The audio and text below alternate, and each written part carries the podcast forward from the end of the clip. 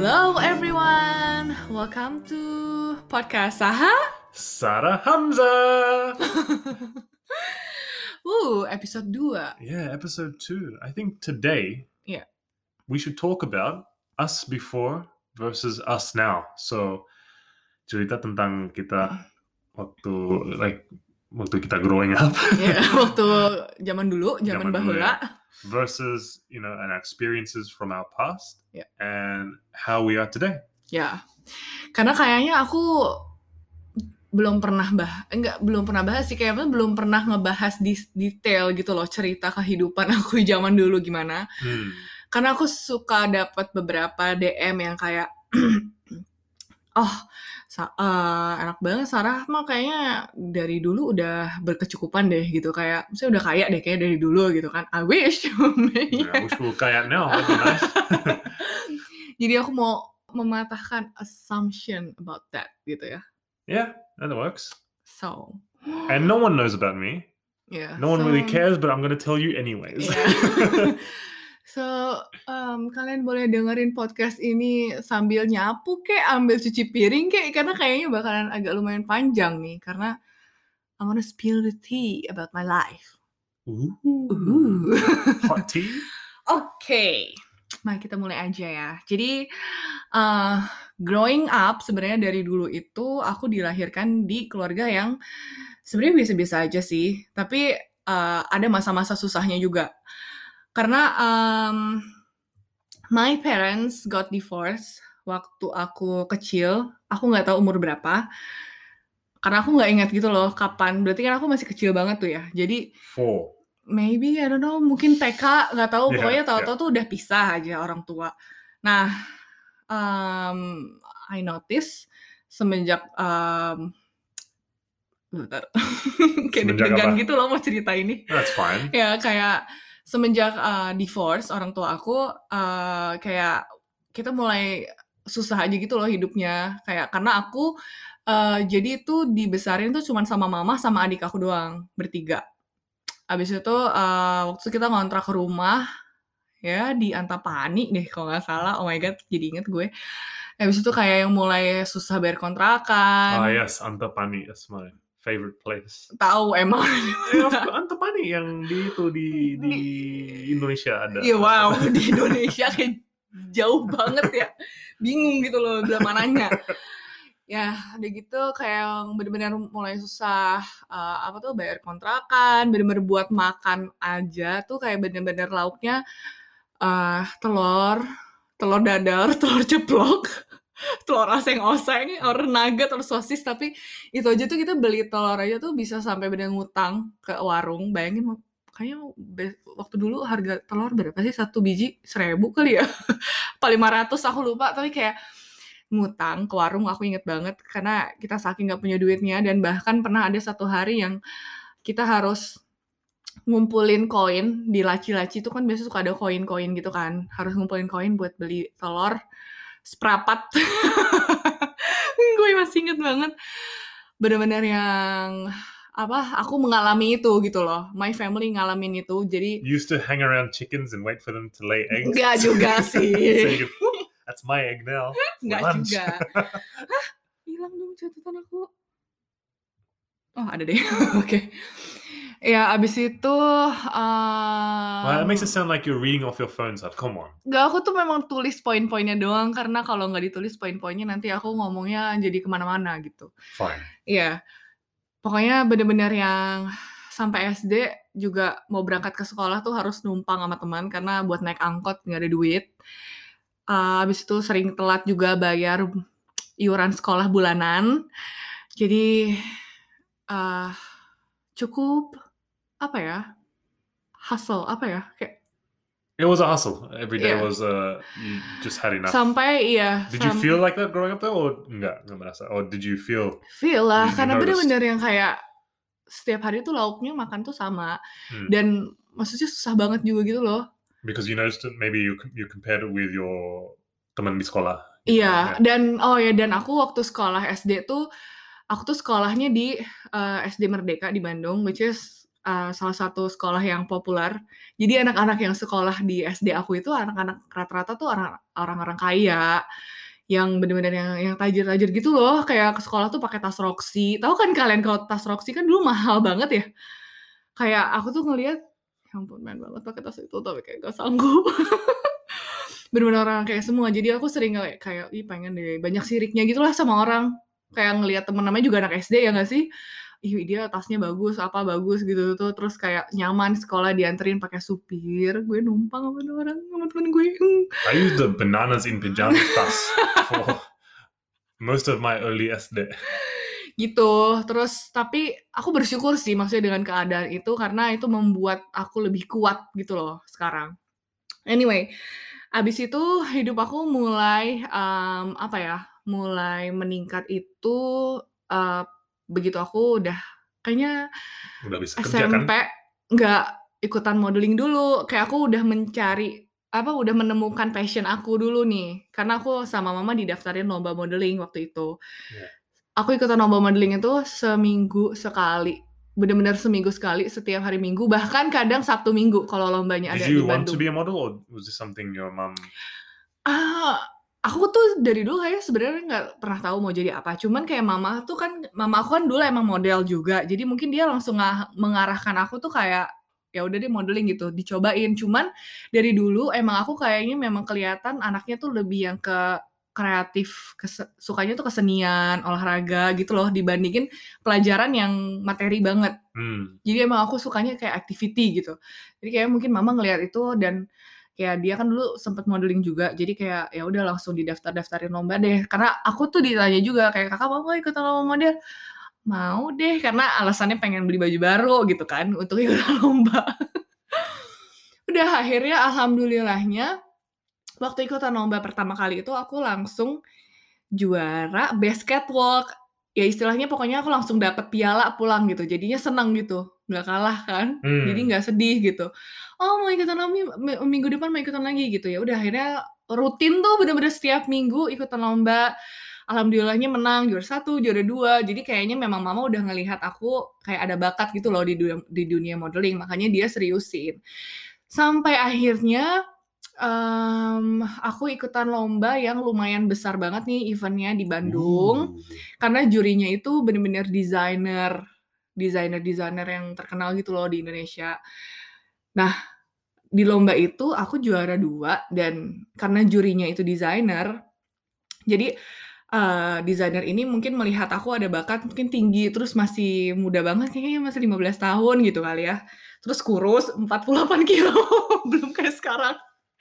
Jadi kayak dia langsung nawarin kayak eh uh, mau jadi model nggak? Dia yang ngarahin gitu loh. Dia mulai ajak-ajak aku untuk um, ikut um, apa kayak fashion show yang brand terus uh, desainer desainer juga. Abis itu mulai dia ajak aku ke Jakarta dikenalin sama agensi Jakarta.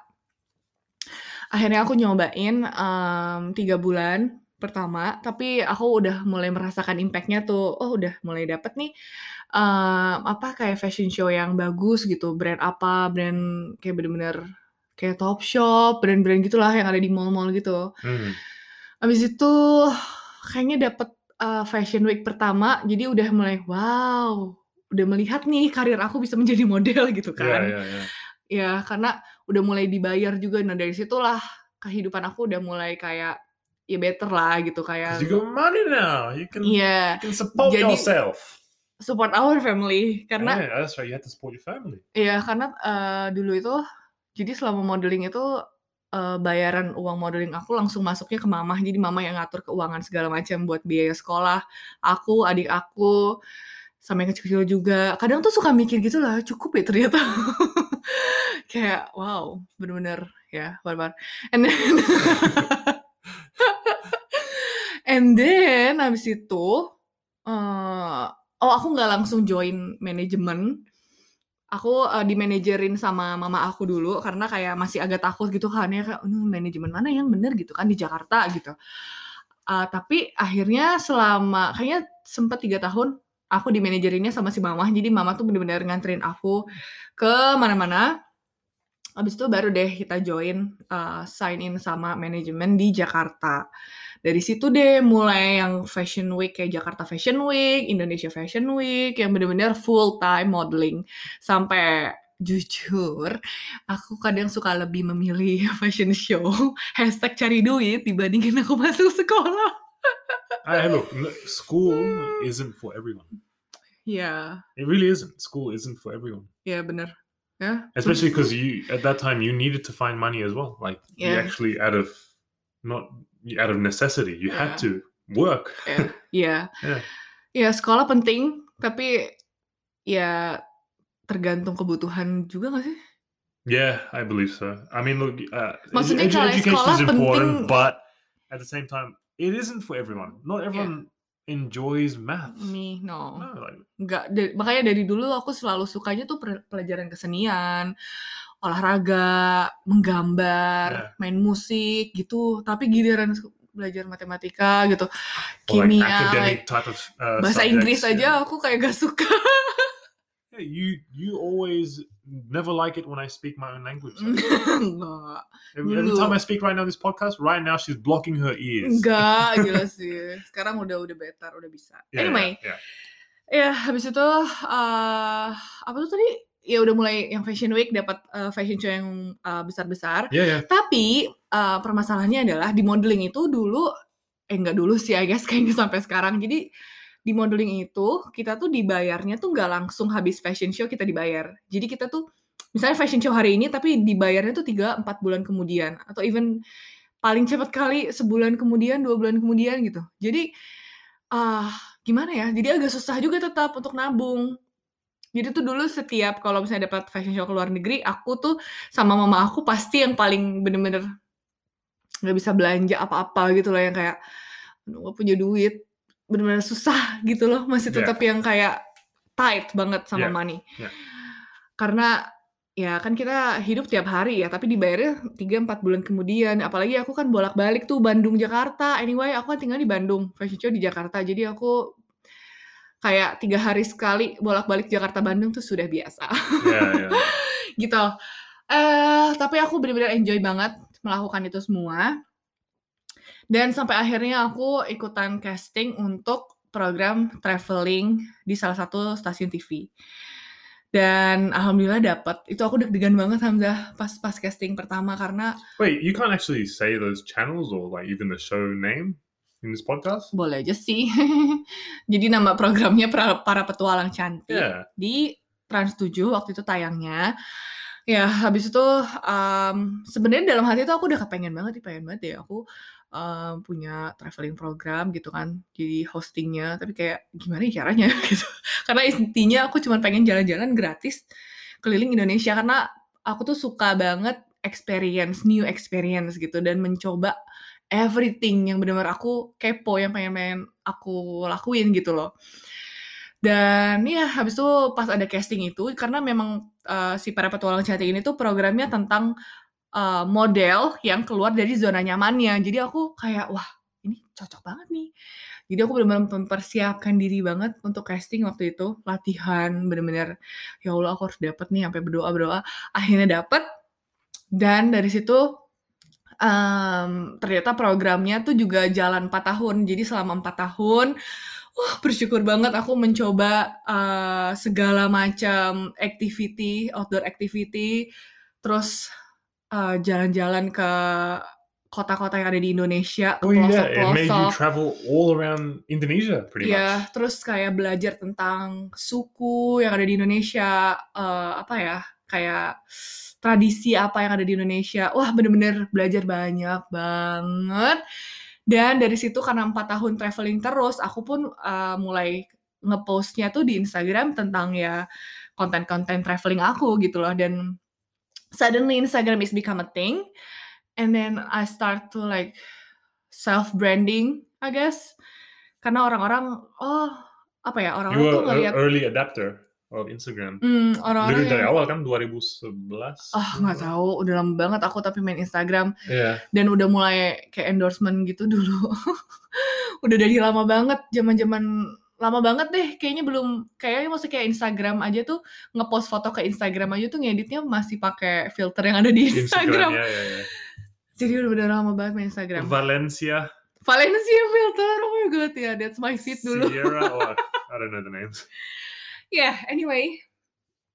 Udah habis itu menjadi akhirnya content creator di Instagram dan eh, abis 4 tahun programnya selesai, pas banget. Kayaknya enam bulan kemudian aku nikah.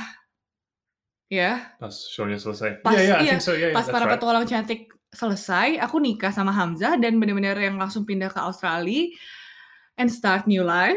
Hmm, then um, start thinking like how to make more money. Yeah, yeah, Dan akhirnya aku em, karena memang banyak banget dapat pertanyaan kayak ngedit foto gimana, ngedit foto gimana, and I'm like, hmm, maybe I can um, sell my preset gitu kan. Karena memang udah banyak juga blogger-blogger luar yang eh, jualan preset. Ka- Kalau yang nggak tahu preset, preset tuh kayak filter untuk ngedit-ngedit foto gitu loh. Jadi cuman kayak one click abis itu done. Jadi aku kayak mikir, oh, mungkin bisa. Dan akhirnya baru terrealisasikan itu 2019. Yeah. Desember 2019 dan dari situlah sampai sekarang alhamdulillah bisnisnya masih berjalan. And you're still getting work from Instagram. Yeah, uh, dari- for, for content creation. Ya dan yeah. semenjak ada TikTok juga jadi income baru buat aku. And obviously now you Hmm. have the advantage of, you know, you have a husband that will, you know, obviously provide with everything. So all your money is cash money. And yeah, and have a supporting husband. So thank you, Hamzi.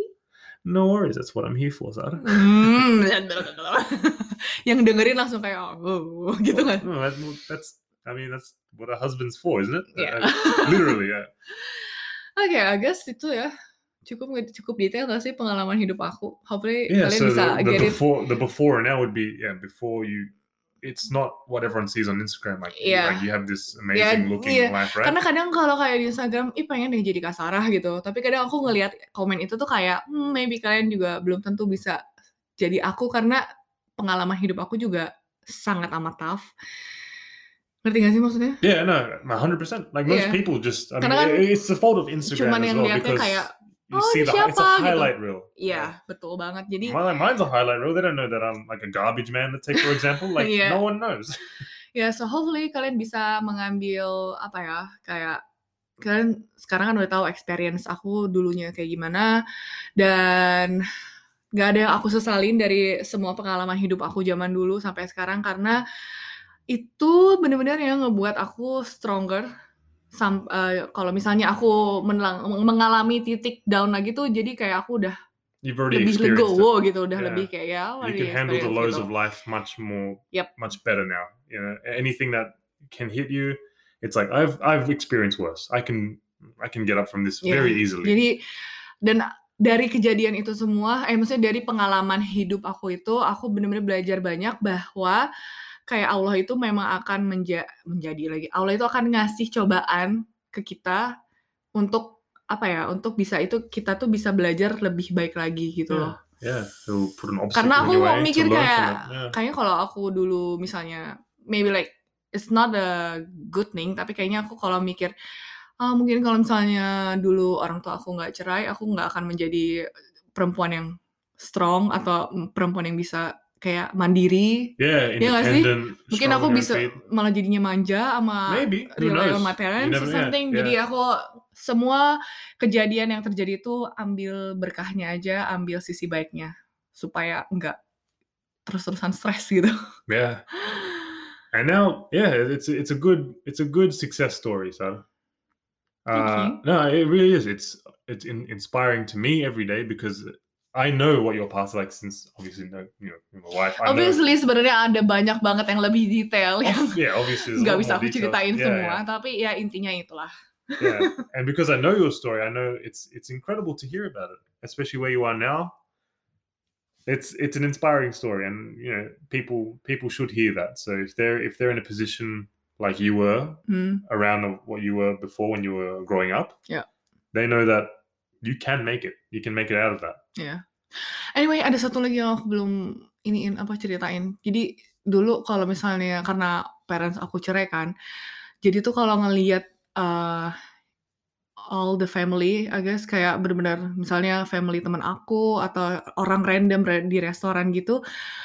Kalau ngelihat kayak orang-orang uh, lagi kumpul keluarga yang lengkap orang tuanya gitu tuh kayak kadang dalam hati suka sirik gitu loh. Kayak hmm, pengen suka jealous tapi I guess ya it is what it is. Tapi ya cuman mau cerita kayak And now, I so feel that's that what was gitu. before. But Jadi now kalau you can imagine ada- yourself having like a, oh, I will, you know, we, we will have like a, close knit family. Hopefully, you know, like that. That's the goal, right? Ya, jadi kalau kalian-kalian yang mengalami yang sama juga, misalnya you have a divorced parents and then you get jealous kalau ngelihat orang lagi kumpul family lengkap gitu, you're not alone. Yeah, that's not experience, not an experience I would know. But yeah, I guess you you're the right person to say it.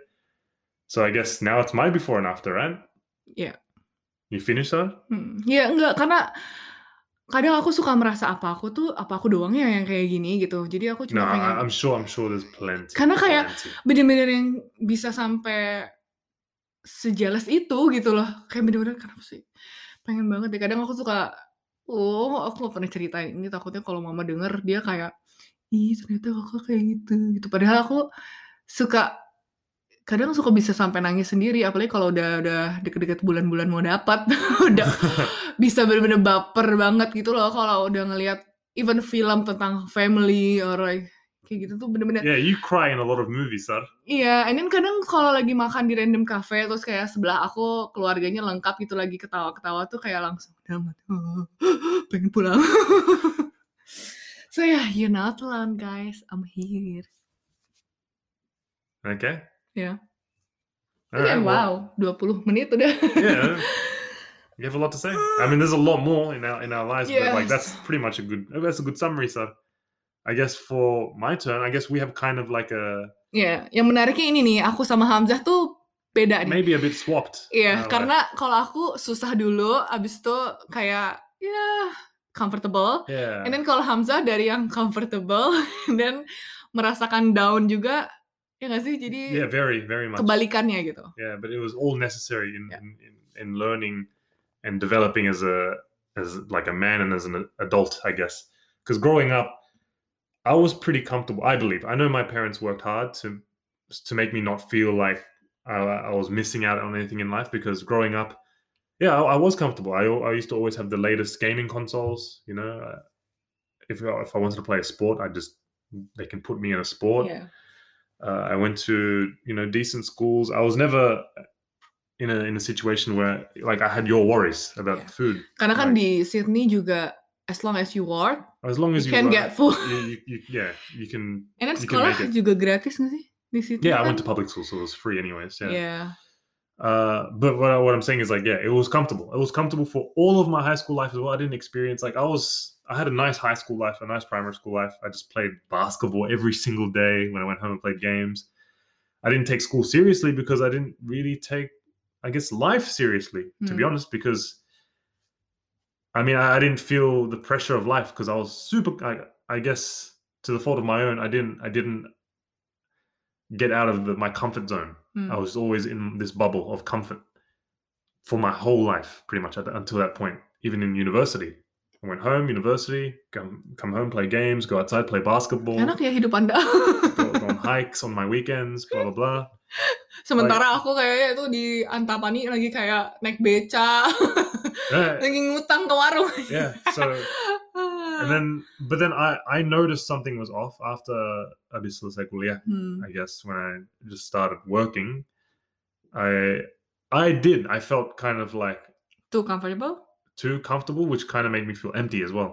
Oh. because I know because I, I that's when I guess maybe I, I started like just browsing Instagram. I started looking at travel. I started really getting into travel. Like I started going on hikes more often. Uh, I went to Japan and I saw another world, and uh, the thing that inspired me to be like, it sort of put like something in my brain like there's more to it. There's more to life, Hmm. right? And and then I, I was thinking like you know a gap year doesn't sound so bad. Like uh, gap year itu kayak apa ya? Especially uh, anak di Australia kalau Mhm. udah umur 18 selesai high school selesai kuliah they go on a six month to one year overseas trip they just travel Oh, jadi kayak dapat break gitu ya? they yeah, they do it themselves. They save up money from Namanya gap year. yeah, they just call it the gap year. Yeah. So I'm like, I should do that. And harusnya awalnya kan, I, I think I told you, I should, I, sh- I bought tickets to go to Hawaii at Yeah. first. But then I'm like, Hawaii mahal ya. like for the money I have now, Kenya, I think Indonesia is better. I have family there, blah blah blah. Yeah. It's just cheaper, and I can probably stay there. Longer. Obviously. yeah, oh, much cheaper. How Hawaii versus Indonesia. Yeah. So, yeah, I, I I made the decision. I'm like, out of nowhere, this was just in the blue. I'm like, I I need to do this because my mind knows that there's more to this life than what it is. I'm too comfortable, and I, I tell you, I tell you this from experience, but comfort is is the enemy. Like, don't ever Hmm. ever be in a position where you're too comfortable in this life because it Mm. just gets boring and. It starts. Interesting, oh. I just got to move position because my legs hurt in our in our nice podcast situations. oh my goodness. but yeah, so uh yeah, I was I, I bought tickets. I'm like, okay, I'm just buying a one way ticket to Indonesia. Oke, jadi Hawaii tiketnya hangus tuh. Yeah, I didn't get a refund. I, I don't think. No, I didn't. So I bought a one way ticket to Indonesia because I knew I could last there longer with the money I had. Hmm. And then yeah, pas Indonesia, awalnya it was still good. I still felt like I was still living with family. I was still uh Jadi Hamzah tuh ke Indonesia kayak mencari kehidupan. I was trying to find, Find something. something, so I'm yeah. like, okay, I'll just travel. Yeah. Iya. Travel So- itu memang ini sih Yeah. bisa benar-benar It can apa, change. It, it will. No, it not. Yeah, It will banget. change your life. Yeah, it will. Absolutely. Yeah. Uh, so I started traveling. I started traveling all around uh, just to play like different places in Indonesia because dulu kalau ke Indonesia waktu kecil sama Hmm. keluarga, I only went to itu ya, like just visit keluarga di Padang Oh God, atau di. Jakarta, Bandung. Please don't fart out. If you fart, this podcast will end today. Like right now. Did you? Uh, nggak bunyi. Nah, nggak nggak akan bau, tenang. I swear. if Karena I'm- Hamzah posisinya nggak bisa I can't gitu go anywhere, Sar. If I just stop di- telling my story and and die, that's well, you guys know what it's from. Lanjut, So- nggak bau kan? Nggak. I think I got a blocked nose, anyways. I think people can hear my voice a bit nasally. okay. Yeah. So, oh yeah. So I started traveling around Indonesia. I still had money, so I was like, Wuh, masih banyak duit guys, Yeah. buang duit guys. well, yeah, yeah, exactly. What more Yeah. But then closer to the uh, apa ya, maybe five, six month mark, dunia udah udah kurang. Iya, lima, I lima was- bulanan. Yeah, lima bulanan. Uh, started Karena dia down. boros, karena dia kayak banyak duit, uh makan di luar, makan And di luar. luar terus. I went. I did I, like this is how I spent my money. I went and did a solo trip to Singapore and went and bought a VIP ticket to Universal Studios Kasian banget by myself. Sendirian di Universal Studios. Aduh. Terus Because itu kayak wh- why I went there but I walked there from my hotel tiga jam and I went there by myself and I went on all the rides by myself with no friends. Aduh. Even groups of people ya. looked at me weird. Like, Yeah. just like, what is this doing? iya, That's how I spent my money. So it went it went away very quickly. Yeah. So I noticed obviously my bulan when I started to go down, I needed to start working. Yeah. I'm like, oh okay. Uh, and that's about the time I met you. Yeah, yeah. So still in my life, it's still very Nanti com- at this point it's still quite comfortable. Cerita tentang kita ketemu nanti ya lain Yeah, episode deh. Okay, Panjang lagi tentang. So all you need to know is that I started to have very little money. Yeah. So I start I need I needed to start working. Yeah. And then you introduced me to the entertainment industry and and, and modeling. And dulu I used to I would laugh at male models, but at this point I was quite desperate. I, needed to survive, right? So yeah, after five months, uh, that's when my money started to go a lot lower, and a lot of things were happening in life. I've, I think I m- might have already proposed to you, maybe. I already wanted to marry you, and then I, You asking ya. yeah, I was already asking you. And that's a problem if you don't have much money and you want to get married. But I, I need to make something just to even survive, right? And during this time, for reasons I can't really get into for personal reasons, but like I, I became homeless at this point. Uh that's how much money I didn't have. I became homeless. It was only like a 10 day thing, but uh, I had enough. I was waiting for money to come in biar bisa itu, biar bisa cariin kos-kosan yang murah. Hmm. So I was still looking around while I was sleeping in like random places. Uh, Eh, tapi waktu Hamzah masuk di entertain ind- industry kayak jadinya Hamzah juga harus spend all your money buat bikin kitas kan karena kan kitas mahal. I needed a working visa. Yeah, yeah, yeah. Iya, habis itu baru deh dia bisa yang casting. Bisa casting, bisa ikut um, shooting iklan, or even hosting for um, like my trip, my adventure, Ya, random. whatever it was. Just I did I did anything to just make my money because I, I Yeah. desperately needed it. And at that time, I couldn't. I still wanted. All my friends were traveling, and I Yeah. couldn't travel as much. But so yeah, it was at a point where okay, I got to find a kos-kosan and I got to live independently. I have to learn how to live independently. I'm not no longer being dependent on my parents. So this was the first time in my life now, compared to before, where everything was paid for. Yeah. Everything in my life was paid for. Uh, it was very comfortable. Now this, I, I felt, now I felt the exact opposite. Yeah. I had nothing, and I had at that time I just pretty much, you know, I had just myself, and I had very little money. but I had to find a way, and this is pretty much, I guess, jumping in the deep end, like you know, learning straight away by going to like sw- swimming in the deep end and finding a way how to survive, pretty much. So that's where I learned how to, you know, Jadi waktu Hamzah ketemu aku itu kayak emang pas banget juga manajemen aku nanyain kayak itu siapa tuh cowok yang trip kemarin ke Belitung yeah, gitu kan di foto di Instagram. Oh itu Hamzah. Cuman aku emang ngelihat Hamzah tuh kayak oh nih orang tuh gak takut apa-apa dan mau mencoba segala was macam it, gitu yeah. loh dan bener adventurous banget. Terus aku mikir kayak kayaknya dia cocok deh buat host MTMA gitu kan. yeah, Ya udah akhirnya aku kayak eh, pas banget waktu itu si program itu lagi cari eh, host juga. Jadi aku emang kenalin Hamzah lah akhirnya sama manajer aku dan ya udah akhirnya dia ikut casting. yeah. Luckily, I mean, during that time, especially when I had um, no money, luckily that's when I had a lot of opportunities to try a few different things. like Yeah. modeling, because I, guess the industry thought I had a lot of op- uh, potential, and the good thing is I am a person open to try anything, yeah which I believe is very important. Like just, Jadi dari yang especially if you're desperate for money, Iya. yeah, you you you will just do it. You will just Yeah. like modeling. I never thought I'd be a male model, but whatever, I'm gonna do it. I need yang it. dapat duit ya yeah, kan. that's right. Yeah. Iya.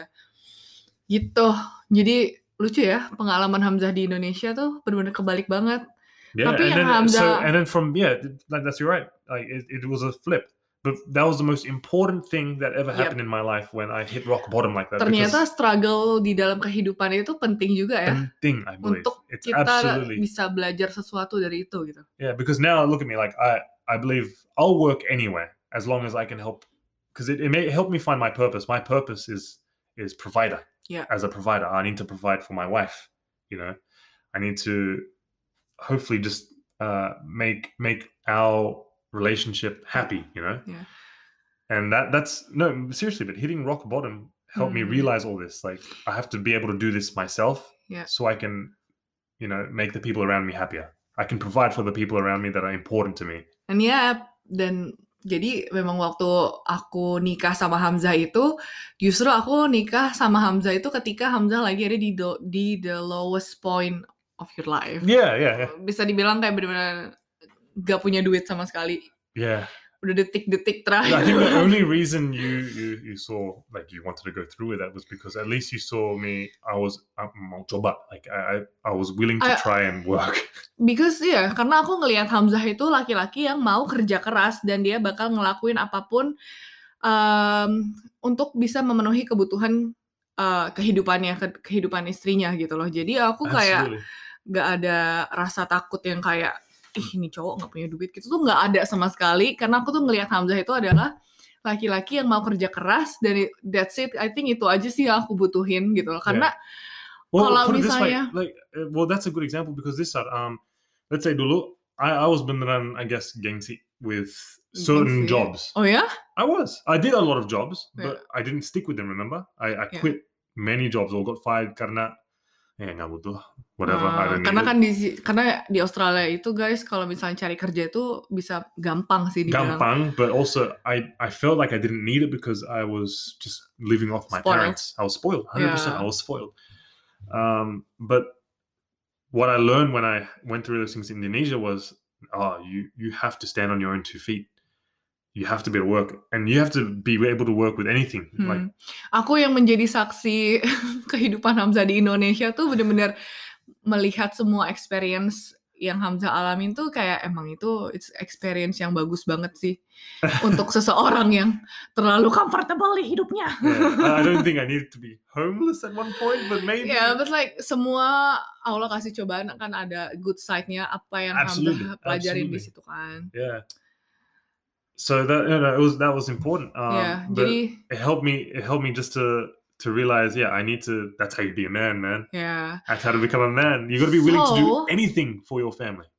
pesan aku untuk para perempuan di luar sana, cari laki-laki yang mau kerja keras, yang em, apa ya, yang nggak manja, yang eh, mau hustle, yang mau yang it. kuat gitu loh, ngerti gak sih? strong will. Jangan cuman jangan cuman yang kayak, oh aku mau calon suami itu yang kaya, yang ganteng karena ya whatever yang, yang ganteng nanti juga udah tua keriput, yang kaya nikah kaya banget nih sama orang kaya banget nih.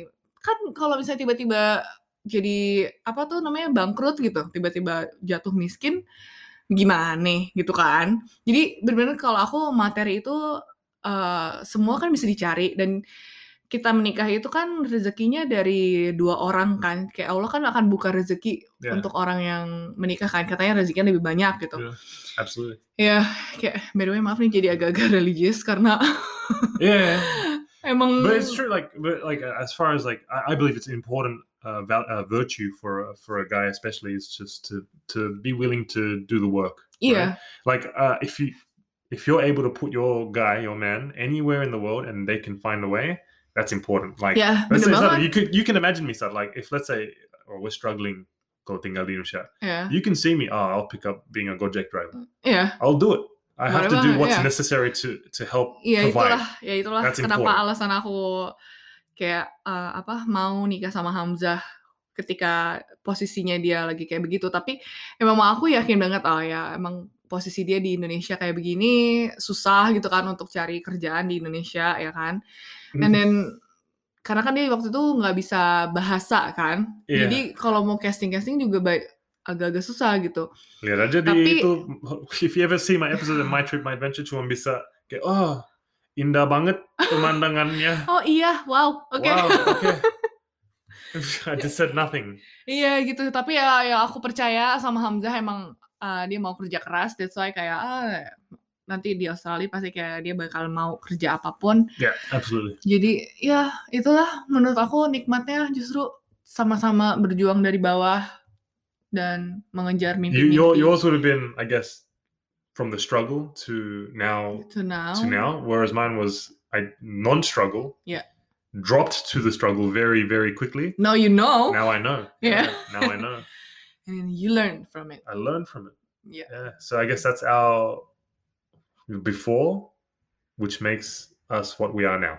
Yep, That's betul. the I guess the overall topic of this Just podcast. remember kalau misalnya kalian sekarang lagi ada masalah di kehidupan kalian yang mungkin kalian pikir kayak gila ini tuh cobaan berat banget gitu. Always thinking on a good side juga. Jadi kalian nggak terlalu stres amat gitu loh. Always sekar- sekarang aku kayak itu yang membuat aku tuh um, apa ya lebih lebih nggak apa ya lebih bisa nyaman gitu kalau misalnya not Your nyaman mindset, yeah. Well, kayak mindsetnya lebih bisa jauh lebih tenang gitu loh dibandingkan harus menyesali apa yang terjadi. Ini kayak kenapa sih? Kenapa sih? gitu. Langsung aja mikirnya tuh kayak oke oke Allah nih kasih cobaan aku tuh ini tenang karena aku yakin ini tuh ada sesuatu nih yang terbaik yang akan terjadi in the future gitu yeah. Well, look, every struggle. I mean, life is a struggle. Yeah. that's the reality of it. But if you have purpose, you can do anything, and Yep. you and you you you go after it. You'll Yeah. you'll be whatever job you think is disgusting. If you have a purpose, Yeah. like I I want to provide for my family and make my family happy, and I want to make my wife happy. Like That's that's your that's dream. my purpose. That's if that's your purpose, it fuels your soul. Then you can you can clean a horse's poo just every day. You'll shovel poo, Yeah. shovel poo every day, and you I swear you will feel content Yeah. because you know oh at the end and people do do that. There are people that do that, Yeah, 100% and then you know they're they're content because they're fulfilling their purpose. And that's what it's 100%, that's not even exaggeration, what I learned going rock bottom. yeah. Okay.